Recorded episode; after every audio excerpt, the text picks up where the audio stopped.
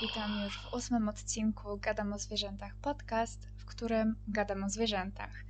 I dzisiejszy odcinek będzie troszkę się różnił od wcześniejszych, e, dlatego że o ile te wcześniejsze skupiały się na konkretnym gatunku, to e, dzisiaj chciałabym omówić pewne zjawisko, pewien fenomen, a mianowicie adopcję w świecie zwierząt. Czy w ogóle istnieje, a jeżeli istnieje, to e, co ją motywuje? I jest to temat, e, który zaproponowała jedna z moich słuchaczek, Marta, także dziękuję Ci bardzo za tą propozycję. Pozdrawiam Cię i mam nadzieję, że wszystkim Wam się dzisiejszy odcinek spodoba.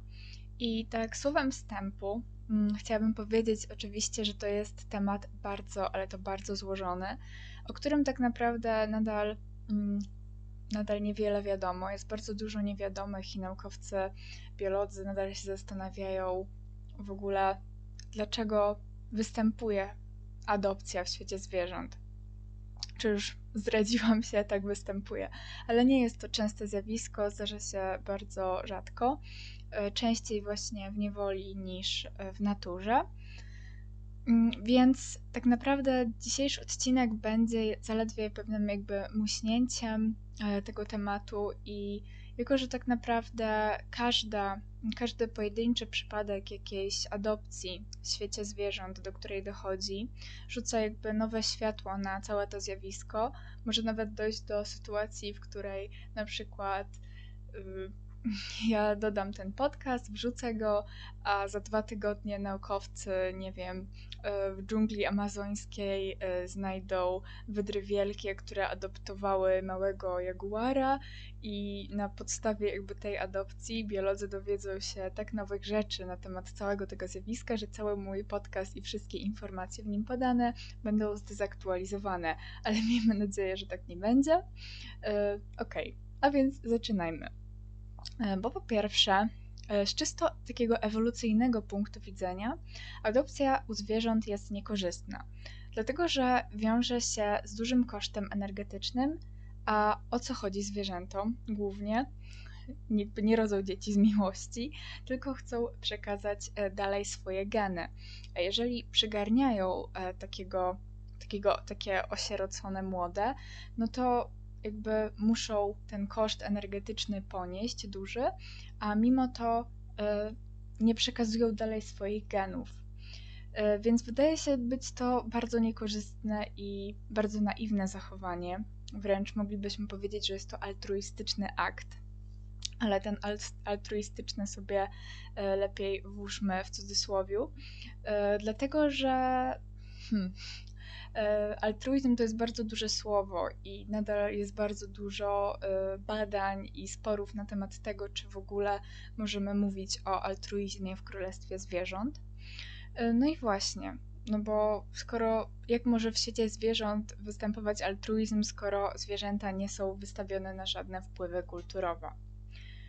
I to, co chciałabym, jakby, żeby to miało ręce i nogi w dzisiejszym podcaście, E, podzielić występowanie właśnie tego zjawiska adopcji w świecie zwierząt na takie kategorie. Po pierwsze, najpierw e, chciałabym omówić e, adopcje, które występują w naturze, oraz y, takie, które występują w obrębie osobników tego samego gatunku. Dalej omówię adopcję międzygatunkową, a później powiemy jeszcze trochę o adopcji inicjowanej y, przez człowieka też. Po pierwsze w naturze, a potem w niewoli. I wymyśliłam sobie tak, że myślę, że będzie najwygodniej, jeżeli na podstawie jakby omówimy w dzisiejszym epizodzie kilka przypadków, kilka adopcji, które rzeczywiście się wydarzyły i na ich podstawie e, opowiemy sobie, jakie, co kierowało tym zwierzęciem i jakie mogą być e, potencjalne e, powody, dla których ta adopcja w świecie zwierząt rzeczywiście występuje.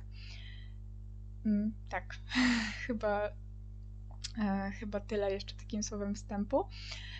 Aha, i występuje też w przyrodzie takie zjawisko jak allomothering.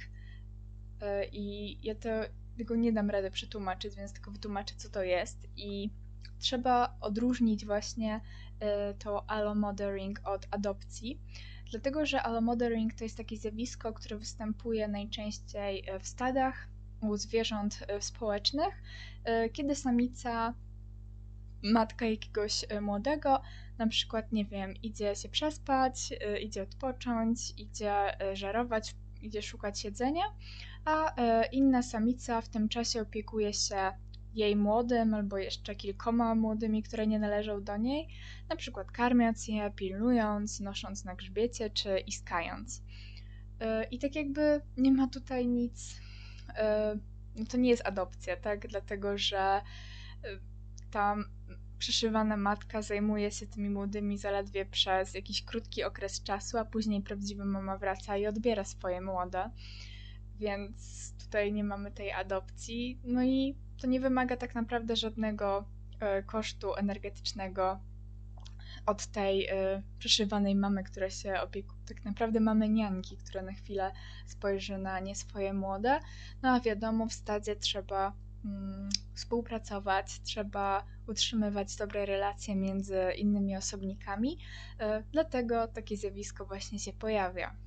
I też warto tutaj powiedzieć, że Głównie będziemy się skupiać na przykładach adopcji e, wśród ssaków i ptaków, e, dlatego że w ogóle praktycznie ona nie występuje czy u gadów, czy u płazów, czy bezkręgowców, e, dlatego że u gadów czy płazów i innych rodzin zwierząt nie występuje po prostu zjawisko, zjawisko opieki nad potomstwem. Więc tutaj no, nie będziemy też omawiać um, zwierząt, które żyją e, w takich stadach, gdzie występuje zjawisko tego, że całe stado opiekuje się młodymi. Na przykład tak się dzieje w wataszy wilków czy w grupie likaonów, że na przykład u likaonów mm, całe stado poluje i na przykład złapie jakąś antylopę, to pierwszeństwo do tej antylopy, do jej zjedzenia mają właśnie młode, niezależnie od tego, czy to mama tego młodego upolowała, czy tata. Po prostu młode mają ten przywilej, że jedzą pierwsze i nie wyklucza się z tego nawet takich jakichś osłabionych, młodych, chorych, słabszych, tylko one wręcz czasami jedzą jako pierwsze, dlatego że wiadomo, że nie mają szansy ze swoim przyszywanym rodzeństwem e, przy, przy takiej bitwie o, o posiłek. E, dlatego też no tutaj adopcja trudno powiedzieć, że, że występuje, dlatego że całe stado bierze czynny udział w opiece nad e, zbiorowym, przez całym potomstwem. Okej, okay, ale przejdźmy jakby do, do, do sedna sprawy. E, najczęściej, jeżeli zdarza się adopcja między osobnikami tego samego gatunku, to jest to e, adopcja jakby motywowana pokrewieństwem. E, zdarza się to na przykład często u naczelnych, właśnie u małp, u wiewiórek i też u nietoperzy coś takiego zaobserwowano. To znaczy, że w przypadku śmierci matki młode zostaje adoptowane przez siostrę bądź ciocię. I u wiewiórek właśnie to wygląda tak, że one rozpoznają, które młode są jakby z nimi spokrewnione i wtedy je przygarniają, jeżeli coś się stało jego matce. I też zaobserwowano u nietoperzy mm, takie właśnie zjawisko, e, że mm, kiedy zmarła mama, czy tam coś jej się stało e, młodego nietoperza, to zaopiekowała się nim i przygarnęła go najlepsza e, przyjaciółka. Tej jego mamy właśnie w, tej, w, tej, w tym grupie nietoperzy. Także mamy tutaj pokrewieństwo. Jest tym, co najczęściej motywuje adopcję. I jeszcze chciałabym powiedzieć, e, bo jeszcze nie wspomniałam tego, mówię, tu mamy dużo, dużo naprawdę informacji i dużo takich uwarunkowań, które motywują adopcję, że najczęściej, jeżeli w ogóle występuje adopcja, to takie młode przygarnia samica. To jest praktycznie 99 przypadków też, że to samica jakby to młode y, adoptuje. Y, I jest to najczęściej samica w okresie laktacji, która straciła swoje młode, bądź która nigdy wcześniej y, nie miała potomstwa. To tak takim na marginesie. I teraz przejdziemy jeszcze do ciekawego przypadku adopcji, który możemy sobie tak roboczo nazwać adopcja przez pomyłkę bądź obustronna niechcący się zdarzająca adopcja. I to sobie zrobimy na przykładzie e, kangurów. E, że na przykład e, kangury się gdzieś pasą, są w jakimś większym stadzie i nagle pojawia się jakieś niebezpieczeństwo i kangury muszą jak najszybciej uciekać, bo na przykład psy dingo są i, i zmierzają w ich kierunku. No i wtedy najczęściej nic się nie dzieje, dlatego że y, kangury robią tak zwany nose check, czyli wsadzają sobie nos do torby i sprawdzają, czy jest tam młode, a jeżeli go nie ma, no to wtedy y, zagarniają jakieś, które jest najbliżej. No i właśnie, co się wtedy dzieje, że jeżeli e, naprawdę kangury muszą szybko uciekać i nie mają czasu na zastanowienie, no to biorą e, i nie mają w torbie malucha, no to biorą sobie do torby jakiegoś, który jest najbliżej, albo jakiś sam maluch też się wystraszy i wskoczy do pierwszej, lepszej z brzegu torby. E, i no, kangury uciekają, a jak, a jak już zagrożenie mija, no to taki kangur, będąc w tej torbie mały, już przesiąknie zapachem tej matki, no bo znajduje się w jej torbie. No i nikt tak naprawdę nie zauważa, że doszło tutaj najprawdopodobniej do podmiany potomstwa, że przemieszały się te młode i przesiąkły innym zapachem torby. No więc e, coś takiego też się nam zdarza w królestwie zwierząt. Ok, teraz na przykładzie słoni morskich e, omówimy sobie różne przykłady, właśnie różne motywacje adopcji. E, bo zjawisko właśnie adopcji możemy często zaobserwować na wyspie Año Nuevo, e, która raz w roku staje się miejscem narodzin e, setek słoni morskich. I są to mm, wyniki badań przeprowadzonych przez badaczkę morską Marianne Riedman, która zajmowała się właśnie badaniem słoni morskich od 1976 roku wraz ze swoim partnerem naukowym Barneyem Lebouf, którzy jakby e, też oprócz e, mir, mirungów, czyli słoni morskich, e, w ogóle badają foki i zjawisko adopcji u fok. No i co się dzieje na tej wyspie Año Nuevo? Jest to jakaś tam, wiadomo, ograniczony przestrzeń, ograniczony teren, więc w czasie porodu i, i właśnie sezonu, gdzie rodzą się młode, wszystkie te wielkie słonie morskie wychodzą na brzeg, więc robi się tłoczno. E, I e, młode czasami, wiadomo, mogą się od tej matki niechcący odseparować, na przykład e, w wyniku jakiegoś, nie wiem, ktoś niechcący dotknie samca, samiec się ze złości, nie wiem, zacznie być agresywny, szamotać się i to może taki lekki chaos wywołać. Te młode mogą się po prostu zagubić. E, I właśnie według Marianne Riedman e, e, zostaje rozdzielonych od swoich biologicznych rodziców mniej więcej 1 czwarta bądź 2 trzecie młodych. I często się też to dzieje z powodu tego, że na Año Nuevo często jest właśnie zła pogoda, więc przy takich złych warunkach pogodowych też łatwiej jest, żeby mm, ta matka straciła to młode z oczu. I tak właśnie jak e, mówią badania Marian e, Riedman, w ciągu czterech kolejnych sezonów lęgowych zliczyła ona aż 572 porzucone młode. No i właśnie, co wtedy się dzieje z takimi e, młodymi? Wiadomo, że one szukają wsparcia u samic, u matek.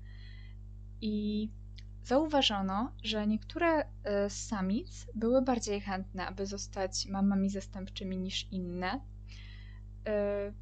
i były to najczęściej te samice, które straciły swoje młode.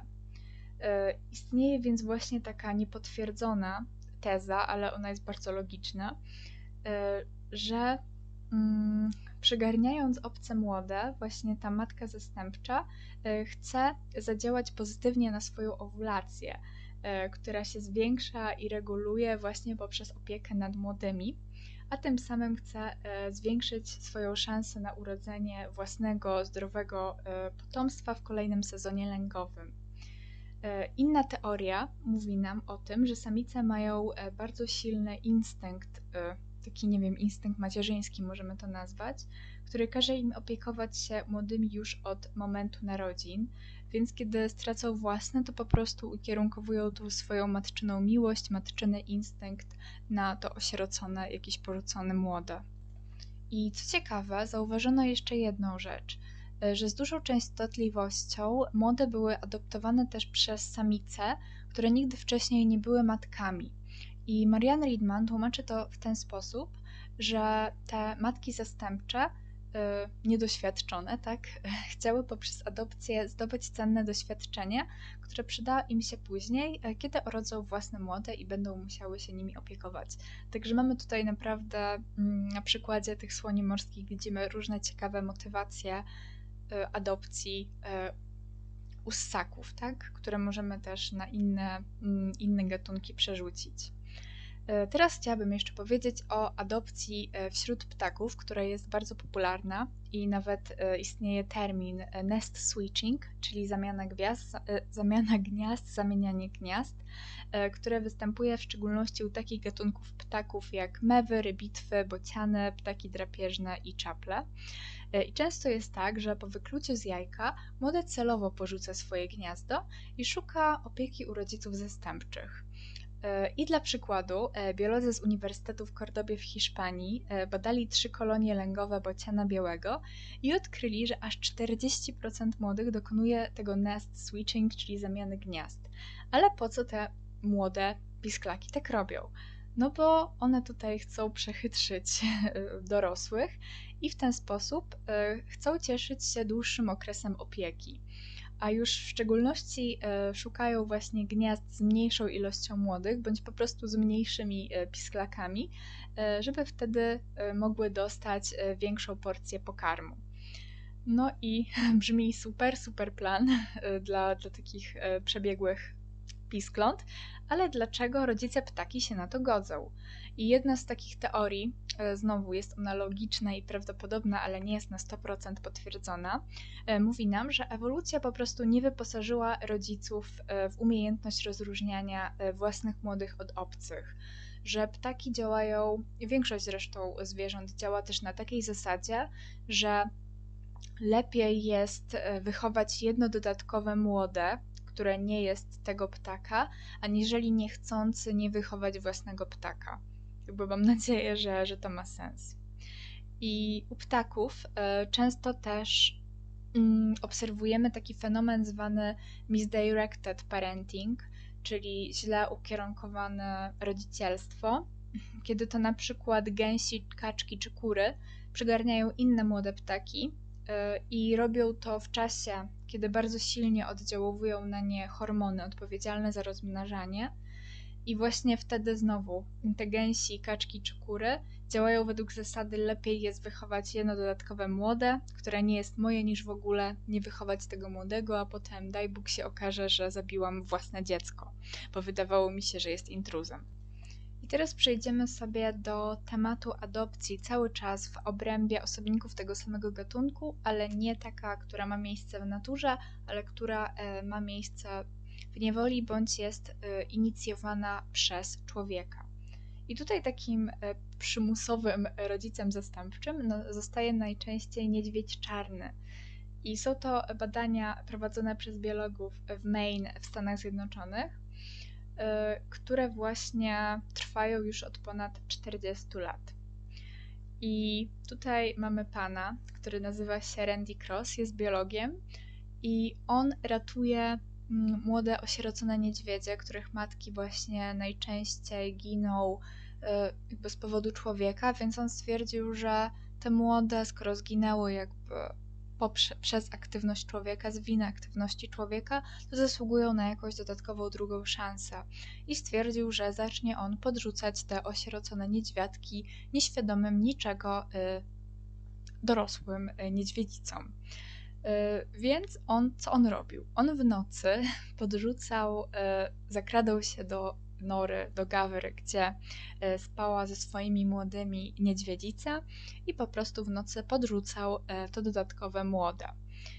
Ale powiecie, dlaczego niedźwiedzica się nie zorientowała? Bo przecież ssaki identyfikują swoje młode e, poprzez zapach. No to, to podrzucone młode nie mogło pachnieć tak jak ta matka zastępcza.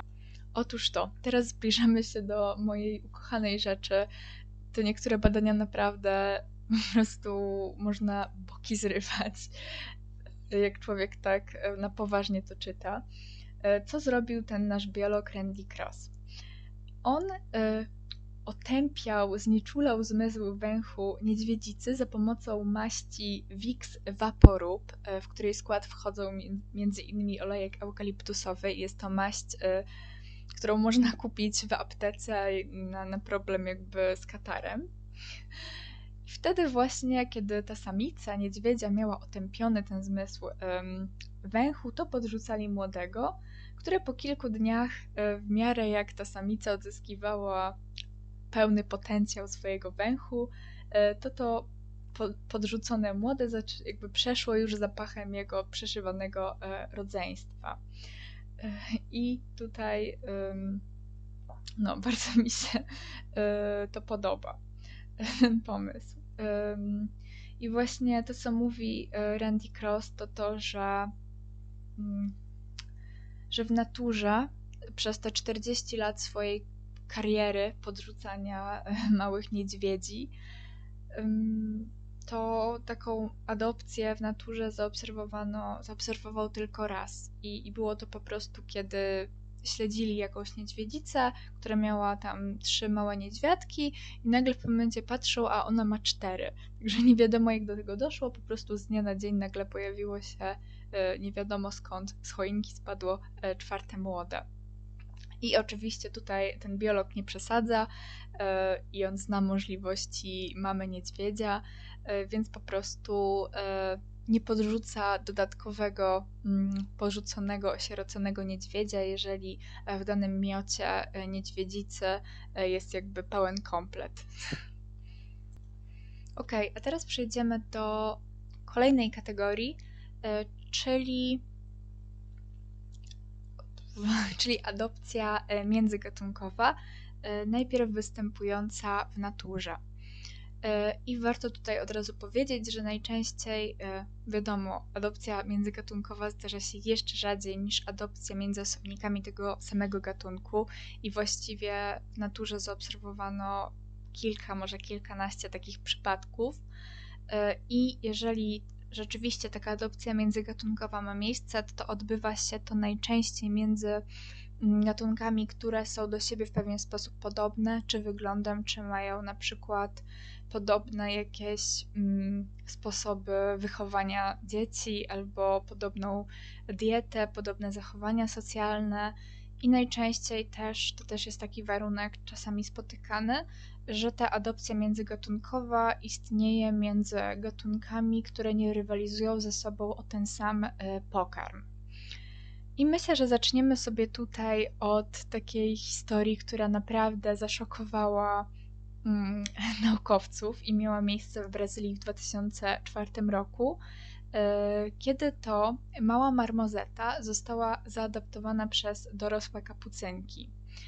I marmozeta ta e, była wychowywana przez te kapucynki przez co najmniej 14 miesięcy i głównie zajmowały się nią takie dwie przybrane matki kapucynki.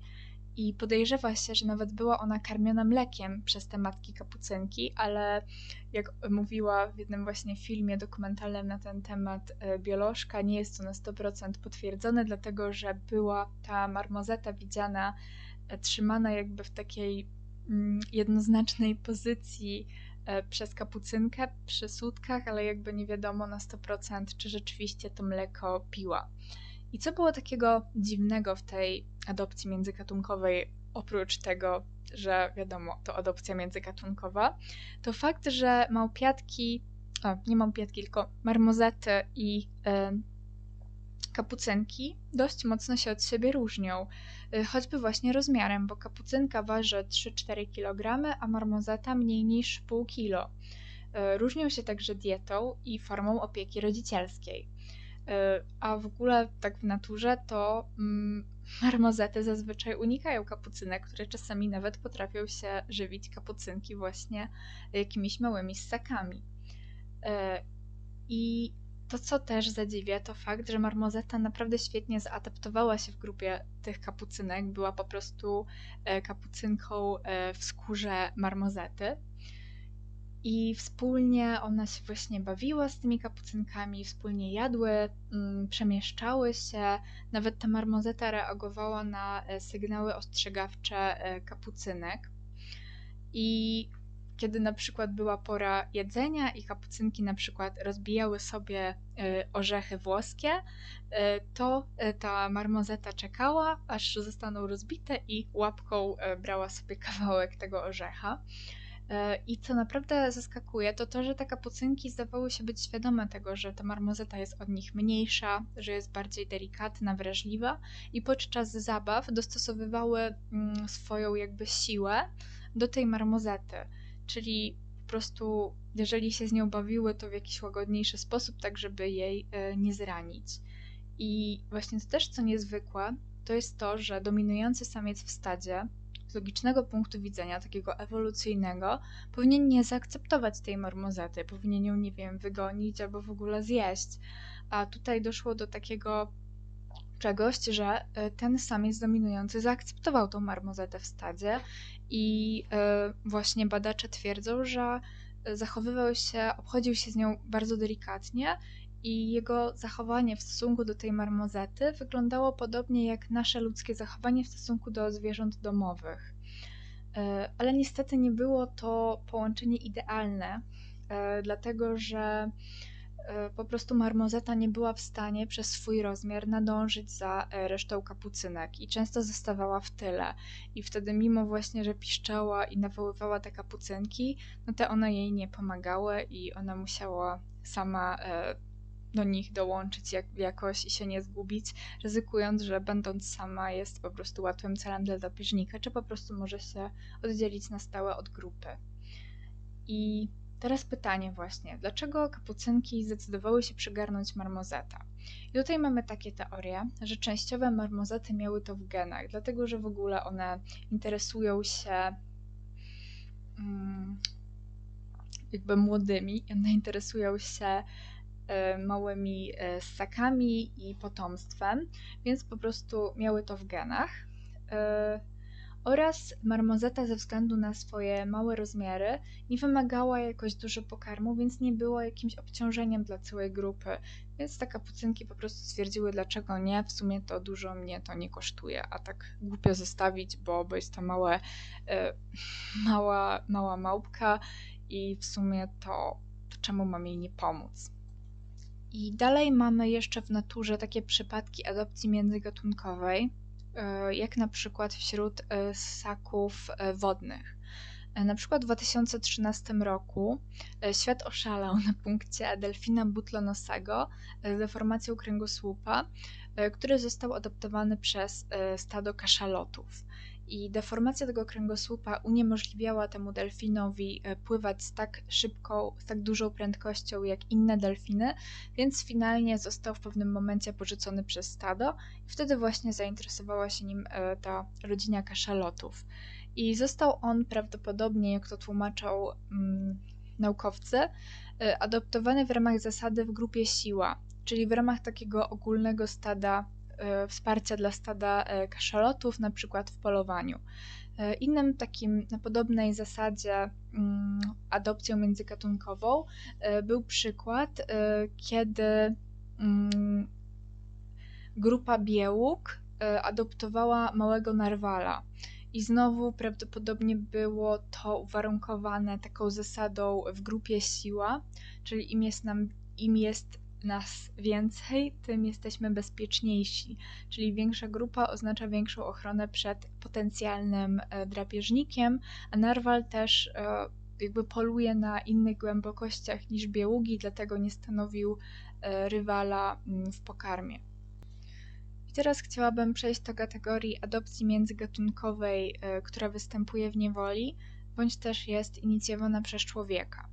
Tutaj warto na początku powiedzieć, że najczęściej taką e, matką zastępczą wybierana e, jest suka psa, e, szczególnie jeżeli mamy do czynienia z potomstwem odrzuconym przez biologiczną matkę. I w ogóle dlaczego ludzie decydują się na wymuszanie takiej adopcji?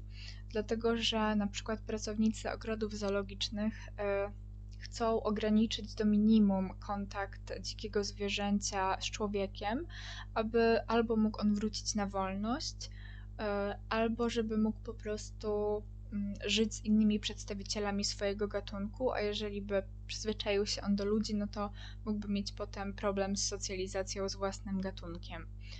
I tutaj w tej adopcji międzygatunkowej w niewoli naprawdę mamy multum, e, multum przykładów takich szalonych, do których nie doszłoby w ogóle w królestwie zwierząt. Na przykład kotka, która przygarnęła małą wiewiórka i nawet nauczyła ją mruczeć, szympans opiekujący się małym tygrysem i nawet potrafiący jakby trzymać w rękach e, butelkę i właśnie karmiąc go z tej butelki, suczka i kilka młodych oposów, które karmiła mlekiem, ogrzewała i nosiła na grzbiecie, czy suczka mops, mopsa, która stała się matką zastępczą dla osieroconych tygrysów w jednym z ogrodów zoologicznych w Soczi w Rosji. I tutaj możemy właśnie tą motywację takiej adopcji, oprócz tego, że była ona zainicjowana, przez człowieka, to możemy powiedzieć o przypadku tygrysicy w tajskim ogrodzie zoologicznym, która adoptowała kilka prosiąt po tym, jak straciła e, swoje własne, które urodziły się przedwcześnie i niestety zmarły. E, I logicznie możemy pomyśleć, ta tygrysica posiadała już mleko i hormonalnie była ona gotowa na przyjęcie młodych, e, czyli w jej organizmie było duże stężenie oksytocyny, która jest odpowiedzialna za budowanie więzi, między innymi między mamą a jej młodymi, więc po prostu ona ukierunkowała e, to swoje instynkt macierzyński na te prosiąta. I musimy pamiętać o tym, że w wyniku adopcji międzygatunkowej dochodzi do bardzo złożonych relacji, które ciężko wytłumaczyć, które ciężko przewidzieć. Na przykład koty, które wychowywane są przez szczury, nie mają w sobie takiego instynktu, który kazałby im krzywdzić szczury. I podobnie jest w przypadku kotów wychowywanych przez kury czy papugi. Czyli musimy wiedzieć, że inicjując taką adopcję międzygatunkową, czasami y, możemy zmienić e, zachowanie dzikiego zwierzęcia. I tutaj chciałabym jeszcze podsumować, bo wiadomo, było dużo przykładów, można było się zagubić, podsumować wszystkie powody, dla których, którymi motywowana jest adopcja, już niezależnie czy w niewoli, e, niezależnie czy między osobnikami tego gatunku, czy mamy do czynienia z adopcją międzygatunkową. E, więc po pierwsze, najczęściej rodzicem zastępczym zostają samice w okresie laktacji, które albo straciły swoje potomstwo, albo jeszcze nigdy żadnego nie miały, tak jak w przypadku słoni morskich.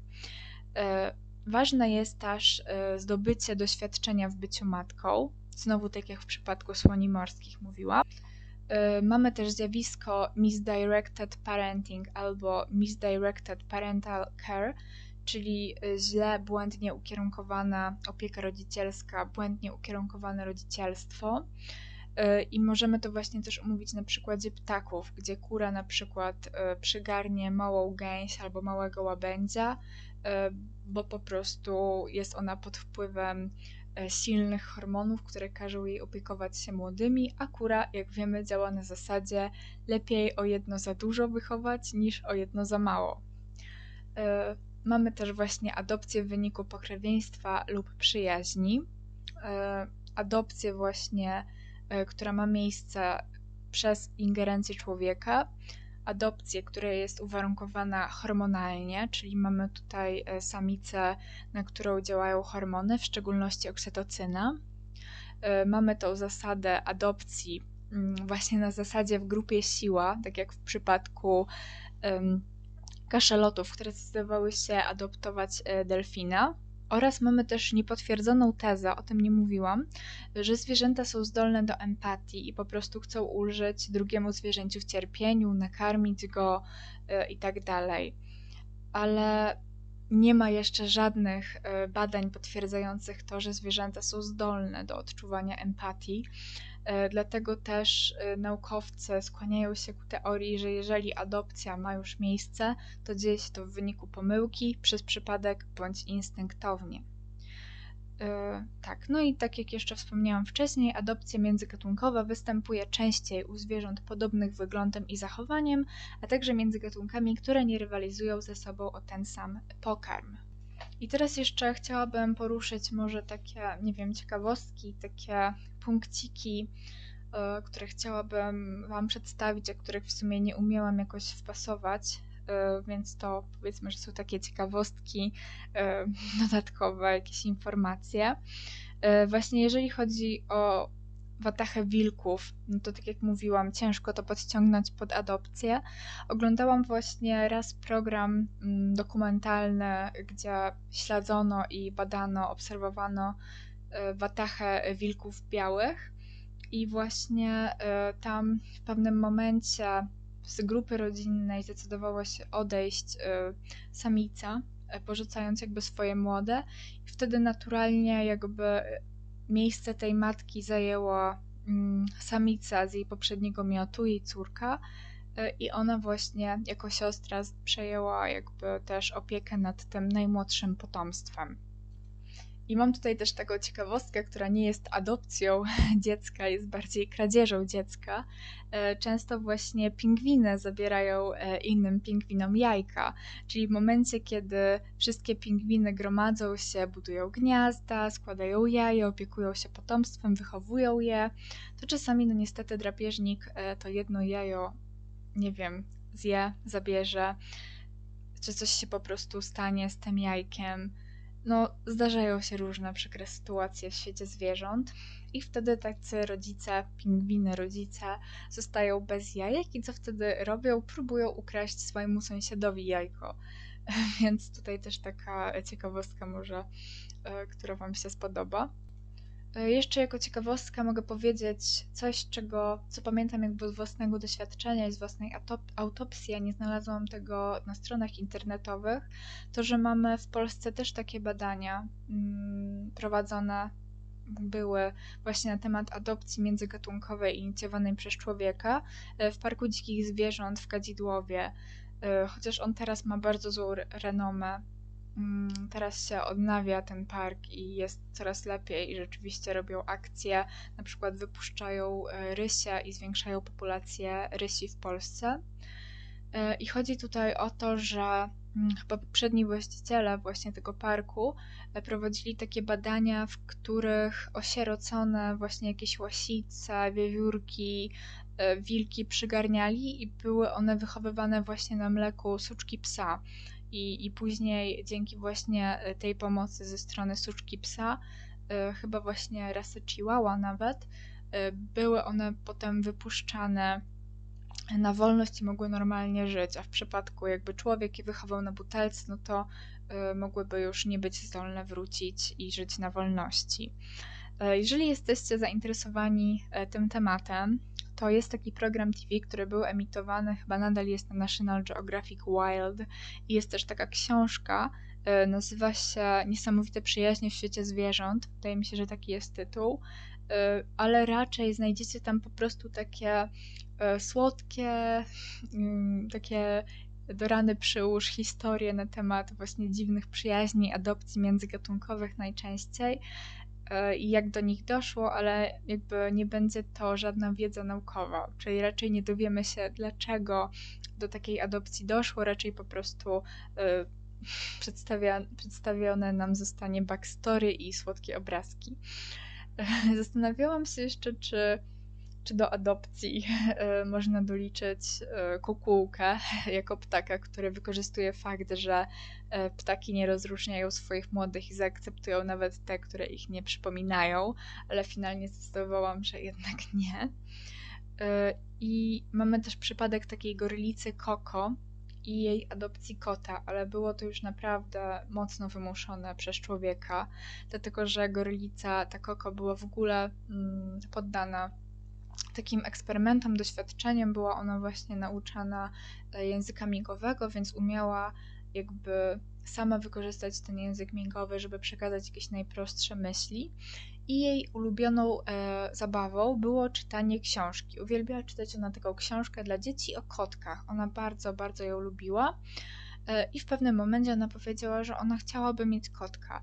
No i zdecydowali, że okej, okay, przynieśli jej małego kotka i rzeczywiście ta gorlica się w niej po prostu zakochała e, w tej, w tej kotce i, i za, po prostu no, takie jak małe dziecko jak czasami ma taką lalkę dziecko, no to wiadomo, przytula ją, karmi, głaszcze. Ta gorlica Koko naprawdę się e, w tej kotce zakochała, no ale to już było naprawdę bardzo, bardzo duża i silna ingerencja człowieka.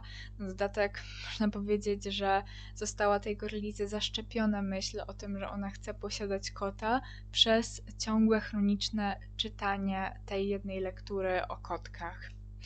I mamy też y, bardzo ciekawe zjawisko, którego tak naprawdę nie da się jakoś logicznie wyjaśnić. Mamy przypadek lwicy w parku w Kenii, y, która adoptowała młode antylopy. Ona tak chronicznie je adoptowała. E, I pracownicy właśnie parku twierdzą, że nigdy wcześniej się z czymś takim nie spotkali, że czasami rzeczywiście zdarza się, że lwy adoptują mniejsze zwierzęta, jakieś antylopy i tak dalej, ale po pewnym czasie się nimi nudzą i je zjadają. Tymczasem ta lwica właśnie w Kenii zażarcie broniła tej małej antylopy przed innymi lwami i nie wiadomo naprawdę, co kierowało jej zachowaniem. Czy może te sztuczne jakby warunki, mimo wszystko parku w Kenii do tego doprowadziły, czy może ta lwica była w jakimś sensie chora psychicznie, że ona naprawdę miała taką wręcz niezdrową fascynację e, tymi małymi antylopami i po prostu jak jedno zmarło, to które przygarnęła, to od razu wypatrywała jakiegoś kolejnego i możecie sobie e, poszukać filmików na YouTubie albo też historii o tym, e, wpisując po prostu po angielsku pewnie będzie najwięcej rezultatów i wyników, że lwica, Kenia, antylopa, adoption i coś takiego będzie. Okej, okay, wyszedł bardzo, bardzo długi odcinek. Tak 41 minut teraz patrzę na licznik, ale mam nadzieję, że Wam się podobało i Wam się miło słuchało i dowiedzieliście się wielu ciekawych rzeczy. Jeżeli Wam się spodobało, to na przykład kolejny albo jakiś mm, za parę tygodni odcinek mogę poświęcić odrzucaniu potomstwa przez biologiczne matki i to też jest temat, który zasugerowała mi e, Marta, dlatego powiedzcie mi, czy jesteście tym zainteresowani, czy wolicie format, gdzie mówię konkretnie o jakimś gatunku, czy taka forma e, omawiania jakiegoś zjawiska w przyrodzie też Wam się podoba. No i oczywiście proszę Was, abyście zostawili łapkę w górę. Chciałam powiedzieć w dół, proszę nie zostawiajcie łapki w dół. Zostawcie łapkę w górę, podzielcie się swoimi znajomymi moim podcastem. E, mam nadzieję, że jest dużo na świecie zwierzolubów, którzy chcieliby posłuchać takiego podcastu. Możecie śledzić mnie na Facebooku, możecie pisać do mnie na maila, możecie słuchać mojego podcastu na YouTubie i na Spotify. Linki będą na dole. I widzimy się za tydzień do następnego odcinka, do następnego zwierzaka.